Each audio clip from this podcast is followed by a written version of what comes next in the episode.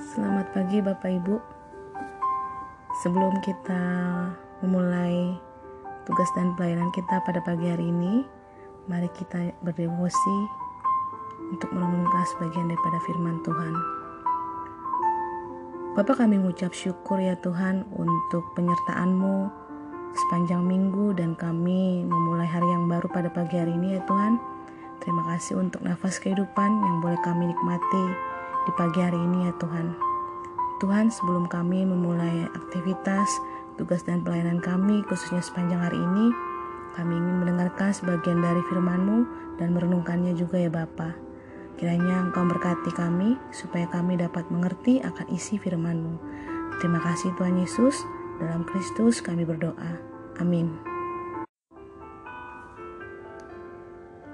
Ayat yang kita ambil pada devosi hari ini ialah dari Wahyu 3 ayat 20. Lihat aku berdiri di muka pintu dan mengetok.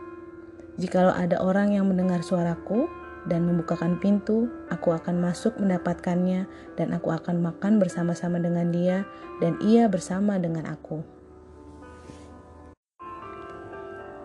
Allah berbicara kepada manusia berdosa melalui para utusannya mereka melaksanakan tugas dari Allah dan perkataan, nasihat, peringatan, serta teguran mereka datang dari Allah. Tatkala orang berdosa menolak firman yang dibawa oleh para hamba Allah di dalam namanya, sesungguhnya mereka sedang melawan roh kudus. Mereka bagaikan sedang bergulat dengan Kristus, seperti sedang berhadapan dengannya. Kelak apabila Allah mengadakan perhitungan dengan orang-orang berdosa, akan terbuktilah demikian. Allah akan mengingatkan ulang upayanya dan kekurang ajaran penolakan mereka. Roh Kudus mengupayakan kesadaran hati nurani manusia, mendebat di dalam hati mereka sendiri untuk melawan mereka, dan mengungkapkan semua keburukan aspek dosa mereka. Hal ini dilakukannya dengan sangat jelas, sehingga manusia acap kali dapat mencium bau api dan belerang di dekat mereka, dan membuat mereka sekarang merasakan neraka sementara di sini. Di saat yang lain, ia berunding dan bekerja sama dengan mereka dan membuat musik pembuka jiwa dan menawarkan Injil kepada mereka. Ia membuka pintu pengharapan dan bujukan dan mendesak mereka untuk membuat senjata pemberontakan mereka dan datang kepada Kristus demi memperoleh hidup. Roh Kudus menyingkapkan bagaimana Kristus ada di dalam posisi siap menyambut isyarat pertama mereka terhadap belas kasihannya Roh Kudus mengikuti orang berdosa dari satu tempat ke tempat lainnya dan dari waktu ke waktu memberikan dorongan demikian. Tetapi banyak orang menolak keras uluran tangan Roh Kudus. Hal ini mengakibatkan permusuhan yang sudah dirasakan oleh sebagian mereka sebagai kengerian karena dosa yang tak terampuni.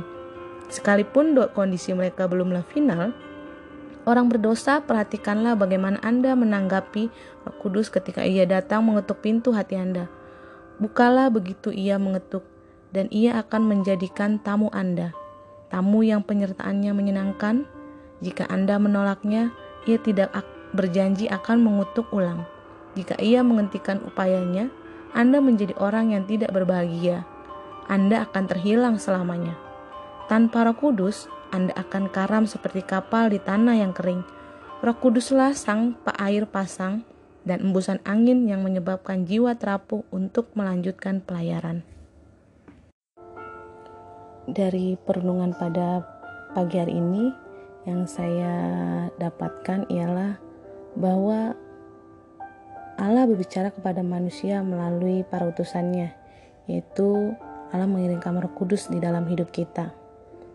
Ketika Allah mengetok pintu, melalui roh kudus yang dikirimkannya kepada kita, di situ sebenarnya Roh Kudus lagi mengajak kita mengupayakan kesadaran hati nurani kita supaya kita menjauhi segala hal-hal yang berbau kejahatan dan mau hidup di dalam manusia yang baru dan juga mau menjalani kehidupan kita mengikuti jalan Tuhan dan menjauhi dosa. Jadi ketika Roh Kudus mengetuk maka kita sebaiknya membukanya. Karena itu tadi, Roh Kudus itu diutus oleh Tuhan untuk menolong, untuk juga membantu manusia dan juga mengarahkan kita untuk selalu hidup di jalan yang benar dan juga menjadi pengikut Kristus yang setia. Jadi pada pagi hari ini saya diingetin lagi ya ketika Tuhan mengetuk pintu kita ya kita bukakan pintu tersebut. Kita welcome terhadap ketukan tersebut supaya kita hidup selalu di dalam kebenaran firman Tuhan dan juga menjadi orang yang benar-benar pengikut Kristus yang setia. Itu yang saya dapatkan pada hari ini. Kiranya kita semua dimampukan untuk bisa juga melakukan apa yang diperintahkan Tuhan melalui Roh Kudusnya di dalam hidup kita masing-masing. Untuk pokok doa hari ini, karyawan yang didoakan Pak Tri Staff minta tolong Bu Ivon mendoakan. Lalu yang ulang tahun Bu Hani SD minta tolong Bu Esther yang mendoakan. Untuk yang mendoakan 1243 Raquel, Ibu Silvi, Rio, Ibu Weni, Sean, Ibu Berlin. Lalu untuk TKA 4 ada Juanita, Pak Uncok yang minta tolong doakan, Milka, Pak Junet, lalu Pak Martin mendoakan untuk kesehatan kita semua. Ibu Kori minta tolong mendoakan situasi negara kita di tengah pandemi ini. Bapak kami ucap syukur Tuhan untuk pagi hari ini, untuk kami boleh diingatkan kembali ketika Engkau mengetuk setiap kami itu merupakan suatu anugerah yang kau berikan bagi kehidupan kami. Kau mengutus roh kudusmu untuk bisa menuntun kami untuk hidup seturut dengan kehendakmu ya Bapa. Ajari kami ya Bapa untuk selalu bisa membuka pintu ketika Engkau mengetuk setiap kami ya Tuhan.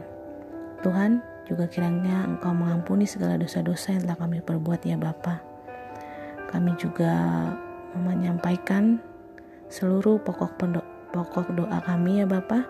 Kiranya Engkau saja yang mendengar dan Engkau saja yang menjawab seturut dengan kehendakmu ya Bapa. Terima kasih ya Tuhan Yesus, kami menyerahkan seluruh kehidupan kami, khususnya sepanjang hari ini, tugas dan pelayanan kami di sekolah ini Bapa. Dalam nama Tuhan Yesus, kami berdoa dan mengucap syukur. Amin.